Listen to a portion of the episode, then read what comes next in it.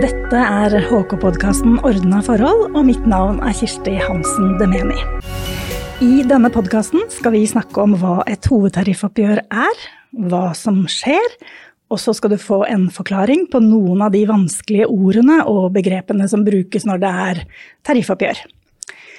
Og for å hjelpe oss med det her, så har vi fått besøk i studio av Roger Bjørnstad, som er sjefsøkonom i LO. Eh, og du har jo vært med på flere tarifforhandlinger nå, så takk for at du ville komme til oss, eh, Bjørnstad. Ja, takk for å invitere meg. Det er eh, viktig, et viktig tema. Hver vår så hører vi i nyhetene om at det er tariffoppgjør. Og det betyr at arbeidstagerorganisasjonene som LO og de forbundene som er med i LO, og arbeidsgiverorganisasjonene som f.eks. NHO og Virke, de forhandler om lønns- og arbeidsvilkår for deg som hører på. Og hvert annet år, da er det hovedtariffoppgjør. Og de årene det ikke er hovedtariffoppgjør, så er det det vi kaller for mellomoppgjør. La oss begynne å snakke litt om forskjellen på hva et hovedtariffoppgjør og et mellomoppgjør er. Hva kan du si om det, Roger? Tariffavtalene i Norge er toårige. Så annethvert år så forhandles hele tariffavtalen. Og da kan det være masse elementer eh, i den avtalen. Det kan være om arbeidstid, velferdspermisjon, eh, utdanning, opplæring eh, og lønn, selvfølgelig. Men eh, i tariffavtalene så er det også en eh, åpning for at man eh, midt i perioden kan forhandle om lønnsspørsmålet alene. Da eh, gjør man det i et mellomoppgjør. Eh, og det innebærer at man har ikke streikerett på annet enn dette lønnsspørsmålet det året. Men altså, når det er hovedforhandlinger, så har man streikerett på hele tariffavtalen. Så hvis vi skal oppsummere det, da, så er det når det er mellomoppgjør, da er det egentlig kun lønnsdelen, ikke alle de andre bestemmelsene som du nevnte. Og hvis man da skal streike, så kan man ikke streike for noe annet enn for akkurat det med lønn, og hvor mye lønn man har fått. Det er riktig. Før forhandlingene begynner, så blir det bestemt om det skal være det som kalles et samordna oppgjør, eller et forbundsvist oppgjør. Hva er forskjellen på det? Ja, det dreier seg om eh, hvordan oppgjørsformen er i privat sektor. Eh, et eh, samordna oppgjør, da er det LO som står for forhandlingene, da med motparten NHO f.eks. Og da forhandler LO på vegne av alle forbundene i privat sektor. Mens i et forbundsvist oppgjør så forhandler forbundene hver for seg mot de respektive arbeidsgiverforeningene. Og hvem er det som avgjør det, om forbundet skal da forhandle hver for seg eller samordna under LO-paraplyen? Ja, det er i all hovedsak LO som uh, si, får viljen sin i dette spørsmålet. NO, eh, som eh, da, LO og NHO er jo først ute, og de retter seg som regel etter, etter det. Men, og, og, og, prosessen innad i LO for å bestemme seg for oppgjørsform, det er jo at man diskuterer dette i det såkalte inntektspolitiske utvalget. Men så er det representantskapsmøtet i februar som eh, vedtar LOs krav. Og da framgår eh, dette. Så siden det da er forbundene i LO som er LO, så har de innflytelse, og så skal man bli enige. Og så sier du at arbeidsgiverorganisasjonene da retter seg etter det. Ja, det er uh, typisk sånn det foregår. Uh, at, uh, at det, er, det, er, liksom LO som bestemmer seg for hva slags oppgjørsform man, man ønsker. Kan du si litt om hvorfor man noen, velger, noen ganger velger samordna og forhandle sammen, og noen ganger velger å forhandle forbundsvis? Tariffavtalene er jo forbundsvise, så hovedregelen her er at det er forbundsvise forhandlinger. For det er Eh, masse forskjellige og, og veldig ulike eh, saker som de ulike forbundene ønsker å ta opp med sine respektive arbeidsgiverforeninger.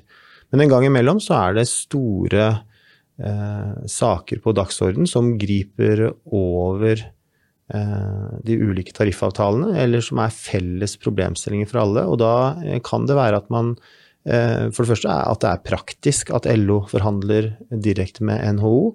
Eh, å virke, eller at eh, det kan være LOs samlede makt som eh, gjør at vi ønsker et samordna oppgjør. Så man tenker at det er en sak som kan være så vanskelig å få gjennom at her må alle sammen stå skulder ved skulder? Ja, enten at det er så vanskelig og vi, vi trenger LOs samlede styrke, eller at det er, kan du si, mer nasjonale interesser det forhandles om, f.eks. For AFP, som gjelder, altså en avtalefestet pensjon som gjelder for hele privat sektor. Og også for så vidt også offentlig sektor, men, eh, men det er en egen avtale, da. Et begrep som vi ofte hører i forbindelse med tariffoppgjør, det er jo frontfaget. Eh, og eh, vi sier at frontfaget forhandler først. Kan du forklare enkelt hva frontfaget betyr? Ja, frontfaget det henspeiler seg jo til den som er i front, eh, og den som forhandler først. Og det er jo industrien, og helt konkret så er det er det Fellesforbundet som forhandler med norsk industri, og da er det verkstedsoverenskomsten det forhandles om. Bakgrunnen for at det er industrien som forhandler først, det er fordi vi eh, har et ønske om å eh, legge til rette for eh, konkurranseevnen når vi bestemmer lønnsveksten vår. Og den som føler eh, internasjonal konkurranse hardest på kroppen, er nettopp industriarbeiderne. Så da vil de legge vekt på eh, industriens, og altså også Norges konkurranseevne i, i det de kommer fram til eh, av, av lønnsvekst i, i den verkstedsoverenskomsten. Og da snakkes det ofte om at de har fått et resultat innenfor en ramme på f.eks. Hva pleier det å være? 2,7? 2,8? Ja, det avhenger veldig av eh, si, de økonomiske tidene, og, men det avhenger også av f.eks. Sånn, sånn prisvekstnivå i samfunnet. Og vi skal ikke veldig mange tiår tilbake før prisveksten var på et helt annet tall, og, og, og, og dobbeltsiffertall. Men, men, nå om dagen så vi, har vi vært gjennom eh, krise etter krise, og, lønnsveksten har vel eh, snarere vært under 4 enn en over. Så den ramma da, som de andre skal holde seg innafor, det er det da frontfaget, altså Fellesforbundet og Norsk Industri, har blitt enige om? Ja, eh, det at det omtales som en ramme, det er en eh, erkjennelse av at det er mye annet som også forårsaker lønnsvekst enn bare eh, tariffbestemmelsene. Så når man snakker om ramme, så tar man med en gjetning på hva andre elementer eh, bidrar med. Sånn at man eh, gjetter på, kan man si, en samlet lønnsvekst. Eh, og det er den gjetningen som blir utslagsgivende for hva som andre bransjer også da skal gjette seg fram til. Fordi det er usikkerhet hva som blir den faktiske lønnsveksten. Vi vet hva vi forhandler fram av resultat på, på tariftilleggene. Eh, men i tillegg så er det jo eh, mange som får lønnsvekst utenom gjennom tariffopprykk. Eh, og det er noe som kalles lønnsglidning. Så ramma består altså av tarifftillegg pluss lønnsglidning. Lønnsglidning, ja. Det er jo også et av disse ordene. Men da forklarte du jo det godt. Altså det som lønn som blir utløst utenom ved de Eh, tarifforhandlingene da, som mm. skjer sentralt? Egentlig alt mulig annet. Det kan være eh, at noen pensjonerer seg og, og andre blir rekruttert uh, som unge nyutdannede. Det innebærer jo at det innebærer jo en lønnsforskyvning. Det blir inkludert i lønnsglidningen. Det kan være ansiennitetsopprykk utenom tariffbestemmelsene, eller at man skifter jobb. Hvis vi nå ser for oss da at det er et forbundsvist oppgjør, og så har HK og f.eks. arbeidsgiverorganisasjonen Virke begynt å forhandle. Og så sier jo HK da at vi, vi, vil ha høyere lønn, og så sier Virke nei, det er ikke mulig, da kommer alle bedriftene til å gå konkurs. Og så holder de på sånn, fram og tilbake, og diskuterer. Um, hvor lenge er det de egentlig kan holde på sånn og forhandle? Er det noe grense? Tariffavtalene og hovedavtalen, som er en uh, avtale om si, kjøreregler for, for uh, partssamarbeidet eller tariffavtaleforhandlingene, fastsetter klare vilkår for hvor lenge man kan forhandle, og hva som skjer hvis man ikke blir enige.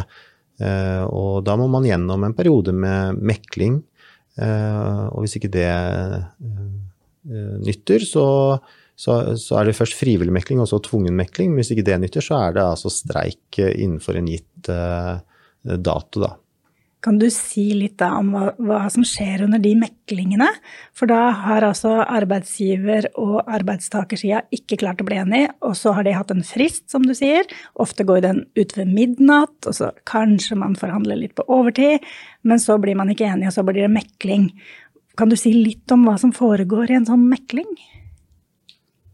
Ja, eh, men eh, som oftest så er det en av partene som bryter forhandlingene, som fører til eh, at man eh, går i en, en, en, fase med mekling. Og først så er det en fase med frivillig mekling. Eh, det er eh, som regel en fase man, man, hopper over, fordi man har jo forhandlet frivillig, og det er nettopp det som er poenget, at man ikke kommer til enighet. Så, så, så er det denne fasen med tvungen mekling som som ofte når eh, At man ofte når fram med en enighet i. Og da får man hjelp fra Riksmeklingsmannen. Eh, det heter ikke det lenger, det heter Riksmekleren. Kjønnsnøytralt. Eh, som jobber med partene for å se om det er et felles rom der, om det er, om det er mulighet for å komme fram til enighet. Og hvis eh, Riksmekleren eh, ser at det kan være eh, mulig løsning i sikte, så, så forsøker han å si, legge fram forslag til løsninger. Og rett og slett jobbe med partene for å komme fram til en, en felles løsning. Og hvis det da til slutt likevel ikke går, og det blir streik, da er det jo sånn at eh, de som er medlemmer i HK og i andre fagforeninger, da betaler jo ikke arbeidsgiver ut lønn til de når de streiker. Men de som er medlemmer, de kan få streikestønad så lenge de streiker. Eh, men så er det sånn at eh, hvis det er noen som ikke er organisert på den arbeidsplassen som blir tatt ut i streik, og de blir da permittert, så har de da ikke noe inntekt i den perioden. Og derfor kommer det ut beskjeder fra HK om at uh, her må du sørge for at kollegaene dine ser og får organisert seg. Og så er det jo litt sånn spørsmål om det. Er det greit hvis man har valgt å stå utenfor hele tida? Uh, men kanskje har det ikke blitt spurt. Uh, så derfor så ser vi at mange da melder seg inn når det er streikefare. Men det ordet streikebryteri, hva, hva er det?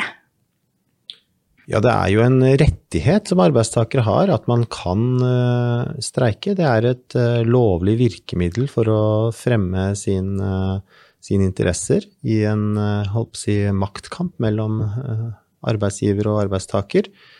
Um, og de, den rettigheten er jo en internasjonal rettighet nedfelt i ILO-konvensjoner, et organ under FN. Eh, og da, der er det også stadfestet at når man da eh, benytter seg av dette maktmiddelet, nemlig å streike, så eh, skal det ikke være lov å ansette andre til å gjøre den oppgaven som du streiker fra. Og den som da gjør, eventuelt gjør den oppgaven, det er streikbryteri. Og hva skjer da? Hvis eh, en eh, leder på en bedrift leier inn en masse folk til å erstatte de som står utenfor døra og streiker? Ja, det skaper ikke særlig god stemning, og i, opp gjennom historien så har vi sett mange eksempler på hvordan det har eh, kanskje eskalert konfliktene og, og skapt uh, ganske mye um, fastlåste situasjoner og, og, rett og slett mye konflikt. Og det blir kanskje sett på som å være rimelig uordentlig, fordi vi har noen regler som forklarer hvordan dette skal foregå. Man får, får kanskje ikke noe fjær i hatten fra noen, egentlig, hvis man gjør det. Nei, og det som ligger i bunn her, er jo at da blir jo dette kampmiddelet, da, som, som, er et lovlig, et viktig kampmiddel for den ene parten, blir jo da ubrukelig. Og så har jo arbeidsgiver også et middel som heter lockout. Kan du si litt om hvordan det kan brukes? Ja, Det er vel egentlig akkurat det samme som streik på en måte, sett fra arbeidsgiverens synspunkt. At det er ikke arbeidstakerne som går fra arbeidet, men da er det arbeidsgiveren som sier at nå eh, får dere ikke lov til å arbeide. stenger ned butikken, fabrikken. Og hvis vi nå går tilbake til den situasjonen da, hvor det har vært forhandlinger, og så sier vi at nå har de blitt enige. De har kommet fram til et resultat hos Riksmekleren. Og det vil vel også egentlig si at da forhandler de vel heller ikke når de er hos Riksmekleren. Da mekles det, er det ikke sånn? Mm -hmm. Så forhandlinger det er før Riksmekleren er inne i bildet, og så når Riksmekleren er inne i bildet, så er det, er det blitt mekla, og de har blitt enige om noe som kalles en skisse. Altså det resultatet de skal bli enige om. Ehm, men da er det jo sånn, som du var inne på i stad, at eh, det kan være uravstemming. Eh, og det betyr da at alle som er medlemmer, som er omfatta av den avtalen det er blitt forhandla eller mekla på, kan, kan, stemme. Eh, kan du si litt om, om den prosessen? Ja, så dette er noen fagforeninger som har nedfelt i sine vedtekter at uh, for at, en, at, man skal gå inn for avtalen, så skal medlemmene få si sitt gjennom en avstemning, en uravstemning. Eh, andre fagforeninger har ikke vedtatt det, men de har vedtatt at eh, deres styrende organer skal vedta eh, avtalen eller enigheten. Men i LO så er det uravstemning, og i Handel og Kontor er det uravstemning. Og hvorfor er det da så viktig at folk stemmer? Et ja-resultat i uravstemningen innebærer jo at avtalen blir at det blir enighet om avtalen, og at den blir gjeldende, gjeldende tariffavtale for den kommende toårsperioden. Eh, hvis det blir nei, så blir det ny streik, eller en streik og eventuelt ny mekling.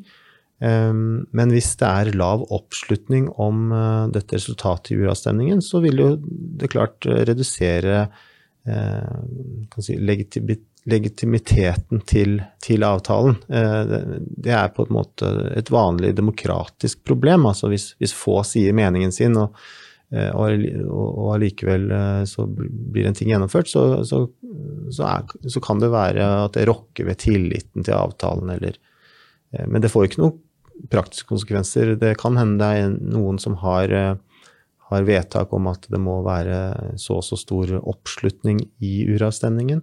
Men dette avhenger fra fagforening til fagforening. Et annet ord, når vi har vært innom flere vanskelige ord, og et annet ord som vi ofte hører, det er jo garantiordning eller lønnsgarantiordning. Kan du si litt om hva det er? Ja, det er egentlig et, eh, en lavlønnsordning. Altså en ordning som skal sikre at de lavest lønte følger en viss utvikling, at ikke de blir hengende etter. Ofte så er en garantiordning koblet opp til sammenlignbare gruppers lønnsutvikling, sånn at du er, du er da garantert minst eh, en lignende eh, utvikling i lønn.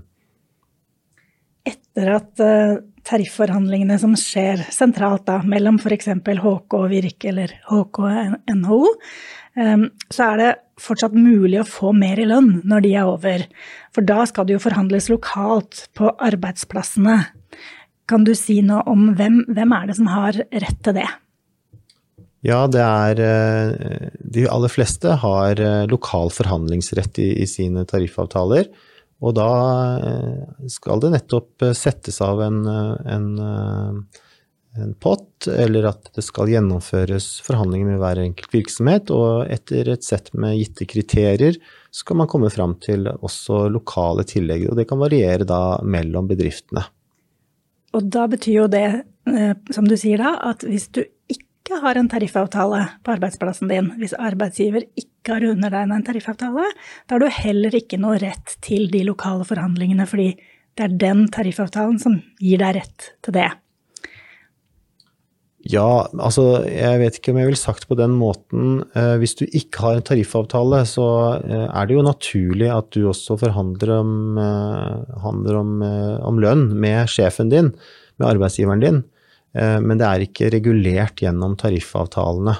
Så eh, her blir jo da holdt si, maktsituasjonen litt annerledes. Eh, hver virksomhet har kanskje sin måte å håndtere det på, men, Men det blir veldig rart hvis man ikke skal ha lønnsvekst selv om man ikke har tariffavtale. Da blir man etter hvert hengende veldig langt etter. Så de aller, aller fleste bedriftene, de med uorganiserte og uten tariffavtale, de, de har jo eh, et system for lønnsopprykk. Men de har ingen tariffavtale som sier at nå skal det skje, det er lokale forhandlinger nå osv. Så, videre. så de står litt mer på bar bakke, da. Eh, det er litt vanskeligere å komme i gang, kanskje? Ja, det, det, vil nok variere fra bedrift til bedrift. Noen er totalt uorganiserte hvor det er litt etter innfallsmetoden, men eh, kanskje at, en, at, de har en tradisjon for å gjøre det på høsten eller hva det måtte være. Eh, men, eh, men arbeidsmiljøloven regulerer jo også en del forhold i arbeidslivet når tariffavtalene ikke gjør det. Og hvis du som hører på er tillitsvalgt i HK og skal i gang med å forhandle lokalt, så ta kontakt med regionkontoret ditt, så kan de hjelpe deg med det. Og hvis du er medlem et sted hvor det ikke er tariffavtale og lurer på hvordan du skal gå fram, eh, så kan du også ta kontakt med regionkontoret ditt. Og du finner kontaktinformasjon på nettsida vår hkinfo.no. Men vi skal innom et annet begrep som ofte brukes, og det er generelt tillegg. Og det er når man da skal forklare resultatet etter forhandlinger eller megling, så sier man det blir gitt et generelt tillegg. Eh, og hva, hva menes egentlig med det? Det er et tillegg som går til alle, rett og slett. Eh, som regel så er det et kronetillegg fra en gitt dato. At alle f.eks. får eh, to kroner mer per time. Og så I stad forklarte du her med lønnsglidning. Det var det man kunne få mer i lønn utenom forhandlingene. Men så er det et annet ord som ligner litt, syns jeg, som heter overheng. Hva betyr det? Ja, som jeg sa i stad, så kan man grovt sett dele lønnsveksten eh, inn i tariftillegg og lønnsglidning. Men dette skjer midt i året, og ikke fra 1.1 som regel. Eh, og det betyr at hvis du skal regne ut lønnsveksten fra ett år til et annet, så blir jo den påvirket av fjorårets lønnsoppgjør fjorårets lønnsglidning og fjorårets lønnstillegg. Eh, og rett og slett for å regne ut hvor mye fjorårets lønnsoppgjør betyr for årets lønnsvekst, så regner vi ut det som kalles overheng. Og eh, hvis vi da ønsker å komme fram til en gitt lønnsramme, så må det overhenget trekkes fra. Og da ser vi hva vi har å forhandle om eh, i inneværende år. Da er vi ved veis ende. Tusen takk for at du kom og besøkte HK-podkasten Ordna forhold, sjefsøkonom i LO, Roger Bjørnstad. Nå håper jeg at du som hører på, er blitt litt klokere på hva et tariffoppgjør er, og på noen av ordene og begrepene som brukes. Og vi kan også anbefale tariffleksikonet som ligger på nettsiden til Fri fagbevegelse, hvis det er ord og uttrykk i forbindelse med tariffoppgjøret som er vanskelige å forstå. Du har hørt på Ordna forhold, en podkast fra HK i Norge. Jeg heter Kirsti Hansen Demeni. Dersom du likte det du hørte, så fortell gjerne om oss til en kollega og lytt til Ordna forhold der du pleier å høre på podkaster.